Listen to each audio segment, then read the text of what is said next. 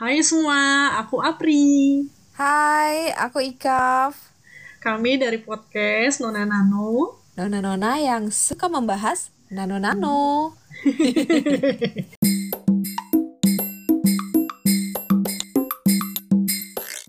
Nah, kalau hari ini eh, bahasan kita adalah tentang bagaimana sih cara eh, Ikaf, cara Apri ketemu sama suami masing-masing. Asik. Asik.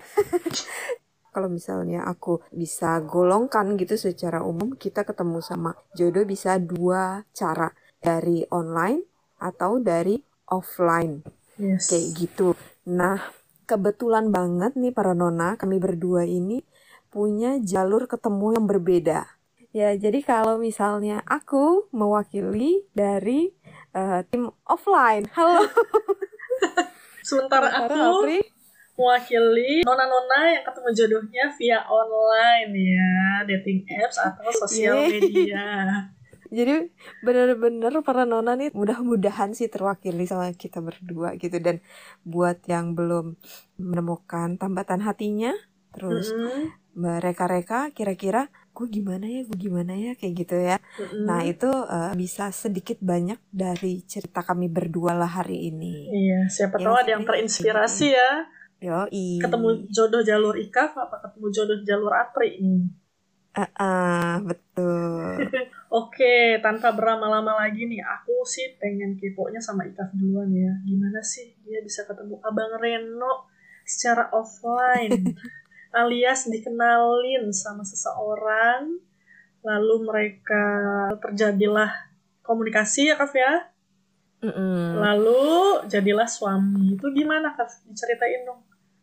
Iya, jadi pas banget kalau ketemu sama Reno ini dikenalin sama saudaraku. Jadi sebelumnya aku nggak pernah ada bayangan, nggak pernah ada gambaran siapa eh, Reno itu, tuh gitu kan. Nah, terus kemudian sampailah suatu ketika, yuk kita eh, ketemu gitu kan. Jadi bukan cuma aku, tapi keluargaku gitu kan. Terus kemudian sama eh, si Mas, terus sama eh, saudaraku kayak gitu di tempat saudaraku. Wow, jadi Itu jadi ketemuan betul-betul- pertama kamu membawa orang tua dan saudara?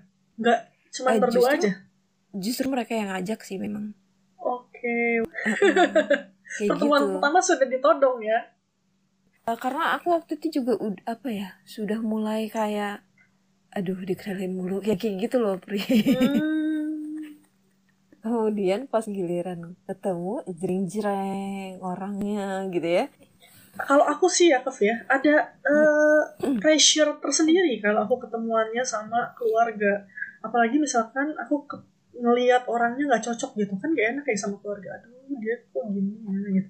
Ini kalau kamu gimana nih Kev? Kok bisa lancar gitu? Karena memang ya udah aku ikut aja dulu ngosongin pikiran sih, Pri. Jadi Hmm. nggak ada udah ikut aja dulu yang nanti ya nanti gitu kan. Oh iya, iya.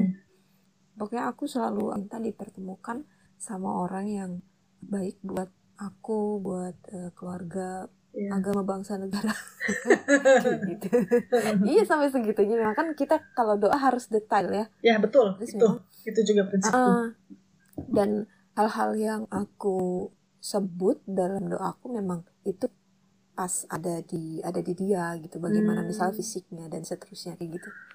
Terus ketemu dia mah cuma senyum senyum gitu yang kenalin yang banyak omong Oh gitu. yang kenalinnya yang ah, ah, yang menceritakan tentang dia kayak gitu Hmm. memang dasarnya bukan tipe orang yang eh, suka menceritakan tentang dirinya tentang apa ya kayak gitu. Iya, waktu ketemuan sama aku juga Mas Reno sangat pendiam dan kalem ya.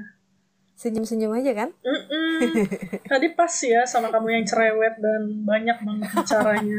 Terus Kak, eh, abis pertemuan itu siapa yang menghubungi duluan? Kamu atau Mas Reno? oh dia Oh gitu, dia positif ya? ah, ah.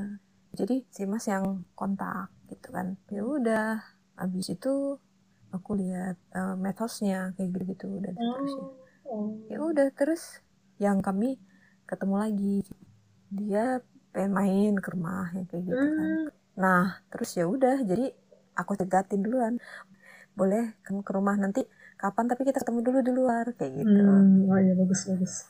Ah, jadi memang karena kan kita tetap perlu ketemu berdua gitu ya nggak sih Pri? Iya betul banget. Gitu jadi menyela menyelaraskan beberapa hal Iya. kayak gitu. Hal-hal yang bersifat sangat personal. Ah, dan jadi emang pertemuan pertama kami udah langsung lingkupnya keluarga. Hmm, Terbalik ya kamu ya. iya. Ya, tapi dari aku pribadi sih nggak ada eh, ekspektasi apa pun kayak gitu. Maksudnya cuma minta terus sama Allah minta terus Hmm. gitu kalau emang ini baik gitu kan Mm-mm. ya aku minta dimantepin gitu aja Oh gitu. itu aja terus nah itu tadi aku sekarang gak dong kamu Pri ceritain kan terus terang sih kalau lewat online gitu ya dulu kan aku agak kayak khawatir gitu ya Mm-mm. ini bener nggak ya ada orangnya nggak ya di dunia nyata yang kayak gitu gitu loh Iya. nah kamu kan pilih lewat online dating gitu ya Pri ya Yes. nah terus kamu ada kekhawatiran kayak gitu-gitu gak sih Eh ada, ada banget. Sebelum aku install aja, aku tuh udah yang, aduh apaan sih? Iya sih, umurku sudah cukup untuk menikah, tapi nggak segitunya kali aku sampai pakai dating apps. Aku sampai kayak gitu kak. Terus ah. aku ketulah pakai dating apps. Ya ketemu suami di situ. Ketulah banget kan? tapi emang mindset juga sih Pri karena Hmm. eh, kalau orang yang em, main lewat online dating terus kayak udah hopeless gitu ya Mm-mm. nggak sih Ya begitu Oh, banyak sih. yang ber- banyak yang berpendapat seperti itu padahal kita pikir-pikir sekarang ya nggak juga sih ya Iya, hopeless tuh malah ketika orang tidak bergerak untuk mencari. Iya. Itu menurutku hopeless ya. Kalau online dating ya sama aja seperti usaha kamu ketemu dikenalin atau usaha aku ketemu online dating itu perbedaan usaha dalam menemukan tambatan hati aja sih menurutku. Oke, walaupun menunggu itu usaha ya, salah satu usaha menunggu. Tapi Iya. kan perempuan katanya suruh menunggu gitu. Tapi kan Mm-mm. sebetulnya kita install online dating juga nggak ada salahnya gitu. Nah, terus Yes. jadi kamu tuh pertamanya ketula gitu ya, Pri. ya. Terus jadinya pakai dating apps. Jadi aku pakai dating apps itu ketika aku lagi kerja di Bandung kan. Aku hektik banget kan, orang tua aku masih tinggal di Jakarta, jadi aku kadang pulang sebulan sekali, sebulan dua kali. Udah gitu kerjaku sampai Sabtu lagi setengah hari.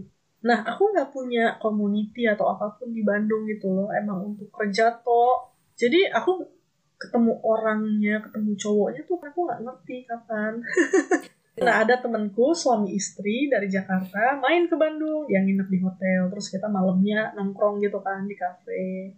Mm-mm. Nah, temenku ini ketemu suaminya dari dating apps Oh. gitu. Terus dia tuh eh, ngeliat aku gusar sendirian terus gitu. Padahal sih aku nyaman-nyaman aja ya Happy-happy aja. Heeh, happy-happy aja. Tapi dia tuh yang, Pri, kamu sekarang sama siapa? Ya ampun, ngejomblo terus ini ya. Udah aku downloadin. gitu. Jadi dia bener-bener Iya, iya, yang iya. ngambil HP ku, dia downloadin lah. Terus dia yang nulis bio aku segala macem, segala macem. Oh ya udah jadilah. Nih ntar kamu mainin ya. Siapa tahu ketemu pacar kan. Dia bilang kayak gitu. Ya udah dari situlah aku pakai dating apps. Awalnya sih ya nggak selalu mulus ya ngomong sama orang, kadang ngomong sama bule juga gitu kan yang tinggal di Indonesia. Oh, bukan cuma Indonesia aja ya. Yes, gitu. Mm-mm. Terus ada lah ini satu cowok, dia usianya lebih muda dariku dua atau tiga tahun gitu lah. Di Jakarta, karena aku masangnya emang di Jakarta bukan di Bandung. Jadi dia bisa di setting kita ada di lokasi mana dan mau ngechatnya seluruh dunia atau hanya di lokasi itu gitu. Nah aku setting di Jakarta, aku hanya mau ngechat sama orang-orang Jakarta aja. Gitu. Karena aku nggak berharap akan tinggal lama di Bandung. Tuh ya udah terus ketemu sama satu cowok ini dan ternyata dia adalah kakak kelasnya temen baikku. Nah aku yakin pengen ketemuan sama dia karena udah ada garantinya dari temenku itu. Ini kakak kelas gua orangnya baik-baik kok gitu. Hmm. Gitu. Jadi itu cowok pertama yang berani aku eh, ketemuin. Oke, terus itu tapi sebelum ketemu sama Daniel ya. Yes. Daniel orang tua. Ah, ah. Nah, itu kamu udah chat ke berapa orang, Pri? Wah, kalau chat sih banyak banget ya, Kak ya. Dari yang nggak bener sampai yang bener gitu. Maksudnya nggak benernya kayak ada bahkan orang baru pertama kali chat nanya, udah pernah having sex sama mantan lo? Ya apa-apaan ya orang. Oh. Iya banyak orang gila memang di online chat karena aku mikirnya di online dating itu orang kan nggak terlihat ya rupanya wajahnya badannya jadi mereka kayak bebas aja gitu ngomong apa aja karena mereka nggak merasa malu jadi aku ngerasanya orang jadi bebas mau ngomong kurang ajar mau ngomong sopan gitu tapi dari situ kita malah jadi bisa filter orang sih di mana orang yang ngomongannya di online dan ketemunya di offline itu sama gitu Tapi itu mereka duluan atau ada yang dari kamu duluan kayak gitu? jarang banget sih kak Ya. yang aku duluan mulai karena aku agak males ya maksudnya aku install itu aja diinstalin temen kan agak Oh, setengah iya. hati gitu loh sebenarnya apalagi aku nemuin orang yang gak bener sama nemuin orang yang benernya itu perbandingannya banyakkan orang yang gak benernya gitu Mhm. jadi aku kayak menunggu aja gitu menunggu orang yang ngechat aku oh ya kalau dia bener ya udah terusin kalau nggak nggak ya udah gitu terus eh, biarpun Mhm. setengah hati kenapa aku laluin ini karena aku inget banget omongan temenku ngomongnya ini tuh lu install online dating tuh usaha tapi kita nggak tahu Iya. pintu mana yang bakal dibukain Tuhan atas usaha lu gitu jadi bisa jadi Yes, online yes. dating ini usaha lu tapi lu ketemu jodohnya bukan di online dating gitu tapi gara-gara online dating Offline gitu ya? Heeh, tapi gara-gara online dating, Allah ngebukain pintu nih atas usaha lu. Gitu. Wah, dari omongan temanku itu aku jadi kebuka kan pikiranku. Oh iya sih ya. Maksudnya aku dari online dating pun aku jadi berkomunikasi sama lawan jenis jadi lebih lancar aja gitu loh. Jadi aku nggak kaku Mhm. gitu kalau ketemu em, mereka nantinya gitu sih. Jadi itu kayak menurutku bahan belajar aja gitu loh.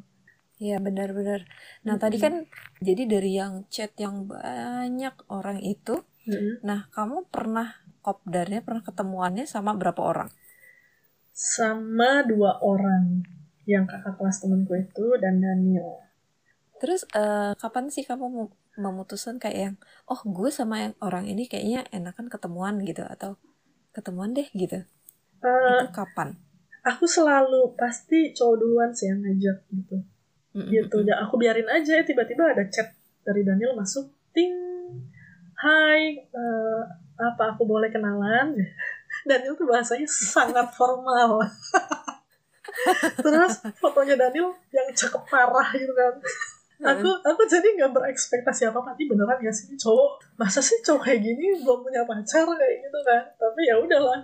Karena eh, Daniel itu one of a kind ya cara berkomunikasinya sopan segala Hmm. macam jadi ya udah aku masih berkomunikasi. Terus tiba-tiba aku ada event blog di Jakarta. Nah aku nggak bilang dia tapi dia selalu nanya kan hai lagi apa? Gitu. Nah dia pas chat itu aku bilang aku lagi on the way ke Jakarta mau ada event di GI gitu. Oh Mm-mm. jadi kamu ke Jakarta ya boleh aku samperin gak di GI gitu. Hmm, ya udah jadi dia nyamperin aku ke GI kita ketemuan di Starbucks. Kita ketemuan itu nggak berdua aja sama temenku yang installin apps dan sama Oh. temenku lagi yang kakak kelas yang pertama aku ketemu itu loh. Jadi aku temenku berdua Daniel sendiri Rombongan ya jadinya. iya rombongan dan dia nggak masalah aku sih jadi yakin sih sama Oh. dia jadi sebenarnya kasusnya sama ya kayak kamu kamu ngajak keluarga aku sama temen deketku dua orang teman-teman lah. Iya, dan itu temenku yang super kepo. Jadi ya sama aja kayak keluarga. Hmm, Temenku yang nyecer omongan ke Daniel. Akunya yang hmm, senyum-senyum. Ya karena mereka emang ngejaga banget sih ya Pri ya. Mm-mm. Jaga berang. Bener nggak nih dapet orangnya kayak gitu kan. Iya, betul. Nah terus kalau misalnya yang harus dianalisis ketika kita eh, memutuskan untuk ketemu Mhm. eh, de- dengan orang dari online dating itu apa aja Pri? Ah, Heeh. Temenku yang installin online dapps ini orangnya tegas gitu ya. Jadi dia selalu mewanti-wantiku. Ketika kamu eh, ketemu sama orang dari online dating, satu, kamu harus ketemu di cafe ramai yang ada CCTV-nya. Oh, ya, Gitu dia ya, bilang. ya. Dua, kalau bisa jangan sendiri, tapi kalau mau sendiri nggak apa-apa. Yang penting di kafe ramai dan ada CCTV-nya. Tiga, kamu nggak boleh dijemput dan nggak boleh diantar. Oh Untuk ya, pertemuan ya, pertama. Iya, kamu harus Mm-mm. jalan- datang sendiri, lalu pulang sendiri. Itu aku terapin sih semuanya ke Daniel. Dia sampai aneh ke aku, satu-satunya cewek yang pulangnya nggak mau dia antar. Oh, Dan aku bilang, aku masih takut nih ya pertemuan pertama ntar kamu bawa lari aku atau gimana. Jadi aku pulang naik taksi aja. Kamu bilang itu? Iya. Kita kayak udah nggak ada yang ditutupin kali ya maksudnya ya ya udah gitu dia nggak masalah. Jadi dia menunggu sampai taksi itu tiba baru dia ke parkiran. Uh, lalu yang perlu dianalisa, nah kalau temenku nih ya, emang orangnya tegas, jadi dia wanti-wanti ke aku, Pri, pertemuan pertama kamu harus minta KTP-nya. oh, ya sampai segitunya ya. Buat apa minta KTP? Aku gitu, gak enak lah. Ya di KTP itu ya bisa ketulis dia itu statusnya masih single apa udah beristri atau duda. Oh gitu ya. Tapi nggak enak lah maksudnya ya pertemuan pertama malah ya aku boleh nggak sih lihat KTP-mu gitu. Terus kata temanku aku begitu terus gitu. Kalau aku oh. aku masih atau kamu bisa bilang atau hmm. kamu bisa bilang pri uh, aku uh, dari Dukcapil boleh aku minta uh, KTP aku orang kelurahan gitu ya oh, iya. Terus yang ada dia akan bilang loh kalau kamu orang dukcapil berarti dataku sudah ada di komputer. Iya aku nggak sampai kayak gitu sih. Ke Daniel tapi akhirnya nggak kamu lakuin? Aku nggak lakuin, lakuin gak? tapi aku lupa ya di pertemuan itu temenku minta KTP-nya Daniel apa enggak aku lupa aku lupa. Tapi aku nggak sampai minta kayak gitu. Menurutku sih yang harus dianalisa awalnya itu dulu ya kak ya. Lalu selanjutnya gimana karakternya dia terus gimana hubungan dia sama orang lain sama orang tuanya dan segala macamnya itu bisa kita analisa di waktu berjalan sih menurutku dan hmm. uh, kita pasti punya radar tersendiri kan untuk menilai gimana dia orang yang baik dan orang yang tepat atau enggak buat kita. Kalau kamu kah, kau pernah gak sih ketemu orang dari dating apps atau dari sosmed, pokoknya yang online-online gitu pernah gak sih? Uh, kalau dari dating apps, jadi dulu tuh pernah juga ada temanku yang kayak gitu kan. Mm-hmm. Saya udah kamu coba aja, kamu coba aja gitu. Mm-hmm. Dan aku akhirnya unduh terus isi pertanyaannya tuh banyak banget itu aku sampai pusingnya aku lupa sih aku unduhnya tuh apa dulu terus ya kayak kamu nggak segitu niatnya gitu kan dan itu ya udah gitu aja kayaknya udah aku keburu uninstall apa ya kalau dari online dating aku nggak pernah ketemuan sama orang. Hmm. tapi paling pernahnya dari Twitter gitu. Nah itu pernah ketemu. Jadi kebetulan salah seorang temanku ngenalin gitu kan. Hmm. Hmm. terus ya udah ketemu. Terus, terus oh lanjut, jadi oh nggak lanjut. Oke. Okay. tuh berapa lama tuh gitu kak? sih. kenalannya berhubungannya? Berapa bulan? Tau deh sebulan dua bulan kali ya? Lupa oh, gitu. aku. oh iya pokoknya ada. Jadi ya memang ada beberapa kali dari Twitter gitu. Terus mm -hmm. kalau misalnya dari Facebook pernah kenal aja kayak gitu kenal.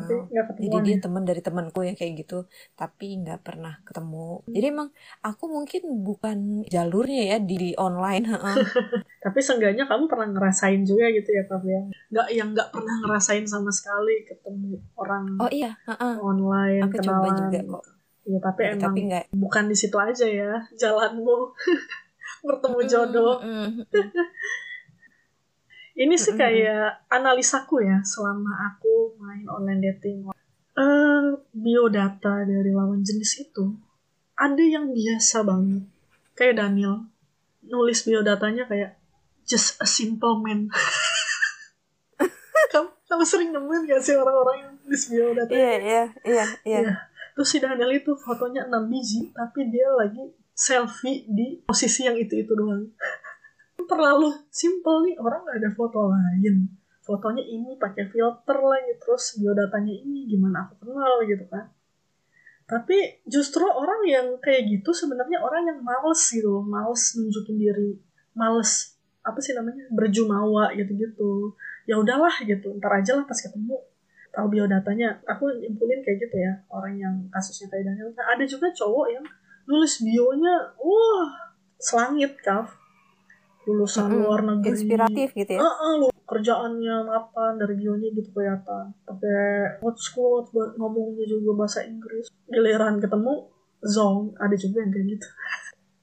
Aku jadi berpikir jangan sampai kita kemakan sama apa yang uh, dia ingin tampilkan gitu kita juga harus mau capek-capek mempelajari satu sosok manusia ini gitu. Jangan kita telan apa yang dia tampilkan di luar aja kayak gitu sih aku pikirnya. Jadi kayak mungkin aja dia nampilin yang manis-manis tapi pas kita udah ngerasain dalamnya eh nggak ada apa-apanya gitu. Atau dia yang dari luar biasa aja nih tapi pas kita selami dia lebih dalam wow dia ternyata kaya rasa ya gitu ya gitu. Jadi aku nggak menghakimi dulu di situ sampai aku ketemu sampai aku berkomunikasi. Uh, nah Pri tadi kan kamu bilang kan di online dating itu tuh ada foto kayak gitu-gitu kan. Itu tuh antara foto yang sepengalaman kamu ya mm-hmm. antara yang foto dengan uh, ketemu langsung itu ada perbedaan gak sih? Kan kayak hati-hati orang di tampilan fotonya apa gitu terus ketika ketemu zong kayak gitu. Nah kalau dari pengalaman kamu tuh gimana? Iya yes, sih emang bener-bener apa fotonya cakep putih pas ketemu buluk gitu ya. Banyak yang apa namanya mengeluh seperti itu. Kalau aku untungnya nggak terlalu sih. Kayak aku kan ketemu baru dua orang tuh ya nah yang pertama mm-hmm. itu dia kayak orang yang cinta alam gitu fotonya bukan yang foto narsis narsis tapi lebih foto aktivitas dia gitu mm-hmm. hmm, jadi aku udah berekspektasi oh kayak gitu ada fotonya juga seluruh badan jadi oh ya aku udah dapet gambaran nih kurang lebih kayak apa gitu kan nah cowok kalau udah nampilin foto seluruh badan di online dance hmm. itu tingkat kepercayaan dirinya dia tuh tinggi jadi kita juga ada ada dapat gambaran kan oh kira-kira dia tingginya segini gitu. apalagi orang yang mau biasanya orang yang mau kita tanyain tinggi berat badan lu berapa terus dia jawab jujur oh ya jadi tuh orang yang memang percaya hmm. diri aja sih itu bagus sih menurutku nah yang kedua nih Daniel kasusnya dia hanya menampilkan foto-foto selfie-nya saja di satu tempat di satu waktu itu Foto selfie-nya sih ganteng ya. Ya pas ketemu sih ganteng juga sih. Betul-betul suami sendiri. Fotonya itu emang lebih cakep daripada tampilan di asli. Cuman menurutku dia hmm. aslinya hmm. juga udah cakep sih. Buatku ya. Uh, dia hitam manis kan. Aku nggak suka cowok putih. Hmm.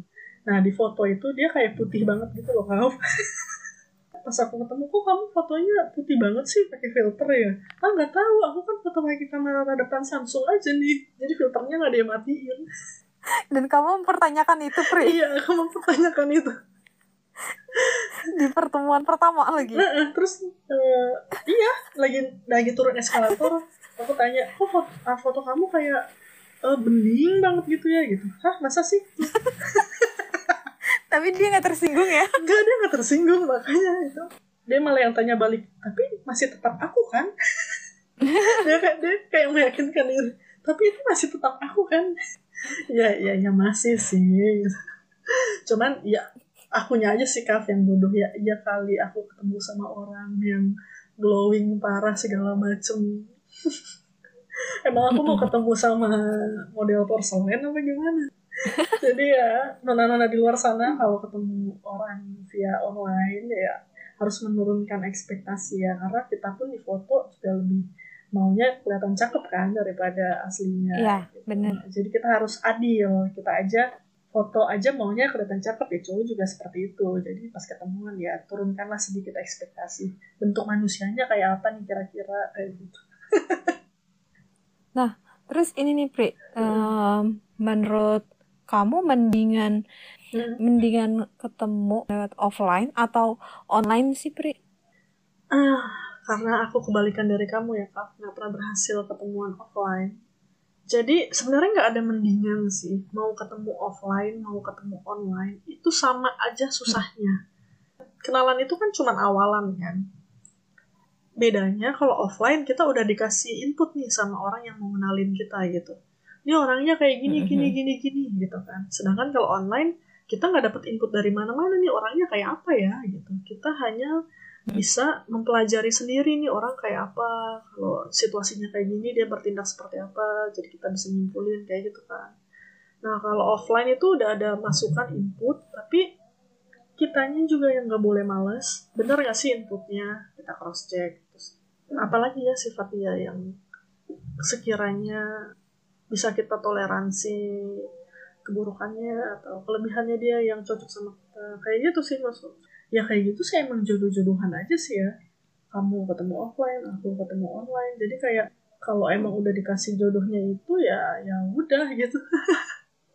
Ya diketemuin asal kita berusaha aja. Kamu aja yang offline aja masih mau ketemu orang ya online gitu kan. Walau endingnya nggak terlalu baik yang di online gitu. Kalau aku ketemu offline jarang banget karena circleku udah nggak ada kali buat dikenalin ke aku cowok-cowok nah kalau kamu gimana kak bisa yakin sama bang Reno itu dari awal kamu ketemu atau berjalan dulu baru kamu yakin Soalnya kan cukup unik juga ya, cuma tiga bulan ketemu terus memutuskan mm -hmm. menikah. Wow. Dan jadi dari awal memang aku udah minta komitmen sama dia mm -hmm. gitu maksudnya kayak yang kita goalnya apa, terus mm. berarti apa yang harus kita lakuin, terus uh, aku paparkan dari beberapa yang aku tahu gitu kan. Mm. Perbedaan kami berdua, ini kan aku begini begini begini, kamu begini begini begini nantinya itu akan masalah atau enggak yang kayak hmm. gitu-gitu itu aku uh, tanya ke dia gitu aku tertarik sama dia gitu kan uh, tapi aku tetap harus menjaga diriku juga gitu sebelum hmm. aku masuk terlalu dalam gitu jadi aku uh, nanya yang pertama pasti goalnya dulu kalau hmm. tujuannya udah beda nah itu agak susah nanti jadinya lepasnya gitu loh okay. terus aku sama, sama dia bilang ya udah kita sambil istikharah kayak gitu hmm. gitu sih Bri. Kau pasrahkan juga ke yang di atas ya. Iya benar banget karena aku nggak tahu dia itu sebetulnya yang se orang seperti apa. Kadang-kadang kan kita kenal lama sama orang tapi ternyata kita tidak betul-betul kenal orang itu hmm. atau sebaliknya. Hmm. Kita belum merasa belum kenal sama orang itu tapi ternyata menurut Allah baik ya itu akan dideketin sama kita. Akan dilihatin juga dia orang seperti apa ya. gitu ya. Betul. nah, terus pas berjalan gitu, jadi kamu makin yakin aja udah. Aku bilang sih aku takut, tapi aku tetap jalan sama dia, kayak gitu. Hmm. Gitu. Kamu juga sama gitu ya, Pria? Iya, kalau aku takut. Jadi gini loh, aku tuh punya insecurity tersendiri yang aku susah ceritain ke orang-orang gitu. Mm-hmm. Mungkin aku pernah ceritain juga kali ya di episode kemarin kayak aku tuh selalu dari SMA selalu insecure ngerasa aku derajatnya nggak sama gitu sama orang yang aku temuin atau lawan jenis gitu aku eh, apa status sosialnya status ekonominya kalau beda jauh sama aku gitu aku ngerasa kecil banget gitu. Hmm. nah saat ketemu sama Daniel dia yang meyakinkan aku hal kayak gitu tuh nggak apa-apa gitu. Jadi aku kayak kehilangan kekhawatiranku selama ini mengenai lawan jenis mengenai keluarganya kayak kayak gitu. Pas sama Daniel nih aku lepas aja sebelum ketemu Daniel gitu aku kan menjalani hubungan juga kan kan sama beberapa cowok baik serius atau enggak ini aku nggak menyudutkan suku mana pun ya hmm. aku pernah trauma sama omongan orang Jawa selalu kan kalau jodoh itu harus dilihat bibit bebet bobotnya Iya, kamu menerapkan itu nggak? Enggak. Nah, itulah kalau yang masih Jawa banget itu kan pasti kayak mm -hmm. gitu kan. Jodoh itu harus dilihat. Iya. Duit bebet bobotnya. Aku selalu trauma sama kata-kata itu. Mm. Gitu. Karena aku ngerasa minder. Hmm, mm. aku nggak punya latar belakang yang bisa dibanggakan kayak gitu dalam hatiku cuman aku bukan orang jahat orang tua aku juga bukan orang jahat cuman memang kami bukan orang yang berkelimpangan harta bisa dibilang mungkin uh, kekurangan apa apa nah aku aku selalu jiper gitu kalau ketemu sama orang tua hmm. si lawan jenis dia akan lihat bibit bebet bobotnya kayak gimana nih apalagi kata-kata itu pernah diucapkan dia si lawan jenisnya itu di depan muka aku sendiri gitu nah uh -uh. jadi betapa hmm. kamu insecure-nya gitu kan kan maksudnya aku butuh pasangan yang bisa bisa meyakinkan aku hal yang seperti itu tidak masalah gitu bukan pasangan yang kamu kayak gimana nih biar bisa diterima semua orang tuaku kayak gitu. Uh kayak gitu. Nah jadi ya aku yang punya sama Daniel kayak gitu sih. Maksudnya ya bagaimanapun kamu ya itu nggak masalah. Karena yang aku butuhin kan. Kamu karakter kamu uh, gimana cara hidup ke depannya gitu kan. Bukan latar belakang dan artifisial lainnya gitu. Menurut dia kayak gitu. Jadi aku di situ yang udah sangat bersyukur banget sih. Kayak ah, apa iya ya ini jodohku dimudahkan banget yang kayak gini aku udah nggak ngalamin kayak gitu. Jadi kayak udah lepas aja peluang aja kita emang mikirin ke depannya hidup itu seperti apa kayak gitu. Berarti apa nih Pri yang pengen kamu uh, sampaikan gitu ke para non di luar sana? Kan aku yakin pasti hmm. banyak banget yang uh, punya insecurity kayak gitu, hmm. uh, punya ketakutan, punya keraguan, hmm. punya isu gitu kan. Hmm. Kalau dari kamu nih Pri, kamu pengen bilang apa ke teman-teman kita para nona di luar sana hmm. yang pengen masuk ke level pernikahan itu uh, takut atau uh, kan pasti kayak banyak tuh uh, pemikiran-pemikirannya mereka dari entah dari lingkungan, entah dari apa segala macam. Nah, kamu pengen bilang apa ke mereka? Kalau aku sih santai aja, nggak usah takut. Emang sih ketakutan itu ada terus, tapi akan hilang ketika kamu bisa jujur sama diri sendiri, sama calon pasangan, uh, dan pasangan itu merasa hal yang kayak gitu tuh bukan apa-apa kayak gitu. Jadi kayak oh kamu yang sekarang uh, adalah orang yang paling tepat untuk kita uh, hidup ke depannya. Kayak gitu sih. Menurutku insecurity itu harus tetap ada tapi gimana dari kita sendiri itu ngerelainnya gitu. Oh oh ya udah lepas gitu. Kayak gitu. Karena nggak enak banget hidup membawa beban itu terus gitu loh. Nggak iya, kita sharingin nggak kita buang. Kalau belum bisa kita buang ya nggak kita apa sih namanya tunjukkan gitu loh. Ini aku punya beban ini kamu mau bawa bareng nggak? Kayak gitu Nah, akan lega banget ketemu sama orang yang bisa membawa beban itu bareng. Dan itu bukan masalah buat dia daripada kita hanya mengumpetin itu terus dan membawa beban itu sendiri itu nggak akan enak banget karena bisa jadi bom waktu juga ke depannya. Gitu. Jadi ya nggak usah khawatir asal kita menunjukkan bagaimana aslinya diri kita ke dia dan apakah dia akan menerima itu atau tidak itu adalah sebuah kelegaan sih kalau kamu merasa iya, dia nah. orang yang tepat pasti dia akan hmm. terima Nah, sebetulnya memang kan kalau kita dapat pasangan yang sekufu, yang kalau hmm. tadi Apri bilangnya bibit bebet bobot, hmm. nah itu emang bagus banget, itu ideal gitu hmm. ibaratnya, yang diinginkan oleh banyak orang. Hmm. Tapi ada kalanya kita tuh tidak mendapatkan si ideal yang seperti itu hmm. para nona gitu dan kita memang harus harus siap untuk itu yeah. harus siap jadi memang apa sih yang sebetulnya kita yang pengen cari banget gitu karena karena kan kita sendiri aja nggak sempurna hmm. gitu jadi memang nggak ada orang yang sempurna banget tapi bagaimana yang tadi si Apri bilang gitu ya dikomunikasikan terus gimana kita menghadapi itu bareng kayak gitu hmm. itu sih mungkin ya ya ya iya jadi kayak mau hmm. ketemu offline mau ketemu online ya pelajarilah orang yang seperti itu gitu Nah, uh, kita udah di penghujung podcast kita hari ini. Mm-hmm. Uh, jadi dari yang udah uh, kami obrolin tadi, terutama buat yang belum uh, nikah, mm-hmm. mau lewat online kek, mau lewat offline kek, itu sama sama menariknya, sama kalau kata Api sama susahnya kayak yes. gitu.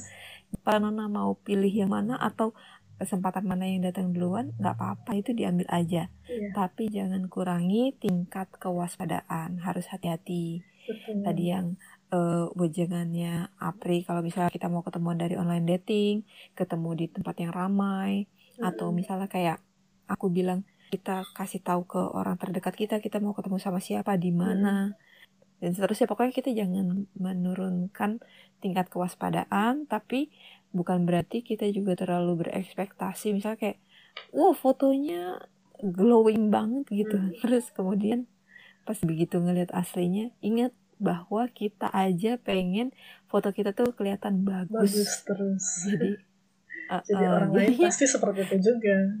Pasti seperti itu. Hmm. gitu teman-teman. Oke deh kalau kayak gitu kita tutup aja podcast kali ini ya Pri ya. Yes tungguin aja nanti episode keempat di insya Allah tiap uh, Jumat, Jumat malam ya Pri tiap yeah. Jumat akan tayang akan diunggah Oke, okay, itu aja Pranona. Berarti terima kasih sudah mendengarkan uh, obrolan kami berdua. Semoga Jumat malam nona-nona semua terasa bahagia dengan kehadiran kami. Asik. Yes. tetap positif dan tetap sehat, semangat. Tetap ceria, asik. asik tetap ceria.